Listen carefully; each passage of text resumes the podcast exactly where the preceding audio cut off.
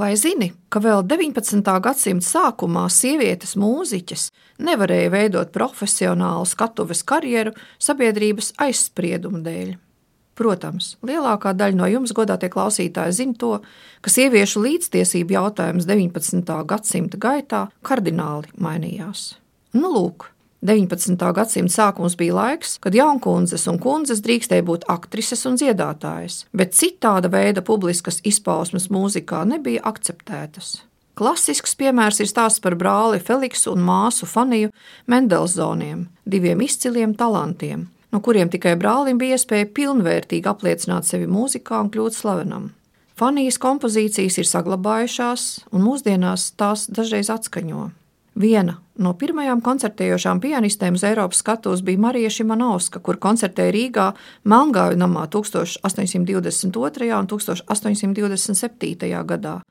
Poļi ārkārtīgi lepojas ar Mariju Šimanovsku, uzskatot viņu par pirmo profesionālo pianisti sievieti. Kādus desmit gadus vēlāk Eiropa iepazina Klāru Šūmani. Šie divi ir izglītotu sieviešu veiksmes stāsti mūzikā bet es gribu celt dienas gaismā kurzemnieci, izcilu violnieci Mariannu von Berneri, kurai nebija lēmts iekarot Eiropas skatuves. Marianna von Bernere dzimusi 1791. gadā bagātā kurzemes mužnieka ģimenē. Tēvs Johans Friedrichs von Berners bija banķieris, kuram piederējusi Staļģenes mūža un nams Jelgavā, bet māte, Rīgas tirgotāja meita Marianna Klatso, labi pratusi violes spēli. Tēva nams bijusi vieta, kur laipni aicināti visi mākslinieki, kas braucot no Eiropas uz Rīgu un tālāk uz Pēterburgu, ieradušies Mītavā. Jau 1802. gadā viesojās komponists un violnieks Ludvigs Špors, kurš savā dienas grāmatā rakstīja: Fon Berners, kurš mani īpaši mīlēja, uzaicināja mani atpakaļ ceļā no Pēterburgas pavadīt dažus mēnešus kopā ar viņu laukos.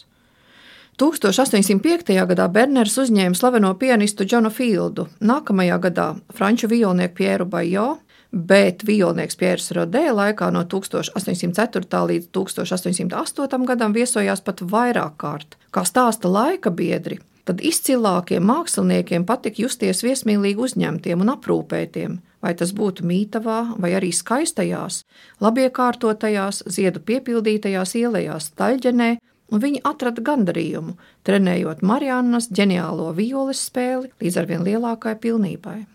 Pussaudzes gados notika Marianas von Berneres pirmās uzstāšanās koncertos. Jau 1804. un 805. gadā viņa spēlēja franču čelista Žaka Mišela de Lamarē koncertos, kad viņš ceļodams uz Pēterburgu apmeklēja Mītavu un sniedza stundas Mariannai von Bernerei. 1807. gadā Mītavā koncertēja Piers Rodē, un programmā bija Rodolfa Kreicera dubultkoncerts, kur solo spēlēja Marianna un arī pats Rodē.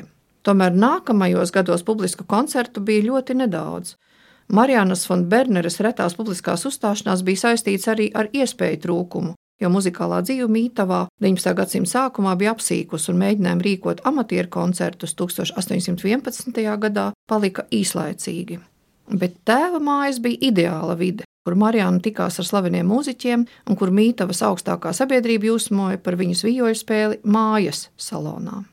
1817. gadā Veimārā izdotais žurnāls literatūrai, mākslē, luksusam un modei publicēja plašu rakstu par Mariannu von Berneri, kurā teikts tā: būtu jāizgudro īpaša valoda, lai apzīmētu to klasisko pilnību, kas apliecinātu violnieces meistarību.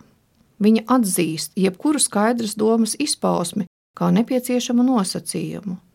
Viņa liek stīgām dziedāt, vibrēt, skanēt, šaukt, priecāties, kliegt, viņa ļauj skaņām tuvoties no tālienes, uzplaukt un atkal noklust. Viņas lociņš elpo uz stīgām vai izrauj no tām plašas skaņas gradācijas ar neatvairāmu spēku.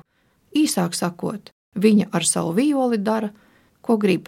Šai izcilējai virtuozei vajadzētu piederēt visai mūzikas pasaulē, un ir jānožēlo, ka viņa, būdama bagāta zemes īpašnieka un banķiera meita, visticamāk, nekad neatstās privāto sfēru. Citāta beigas.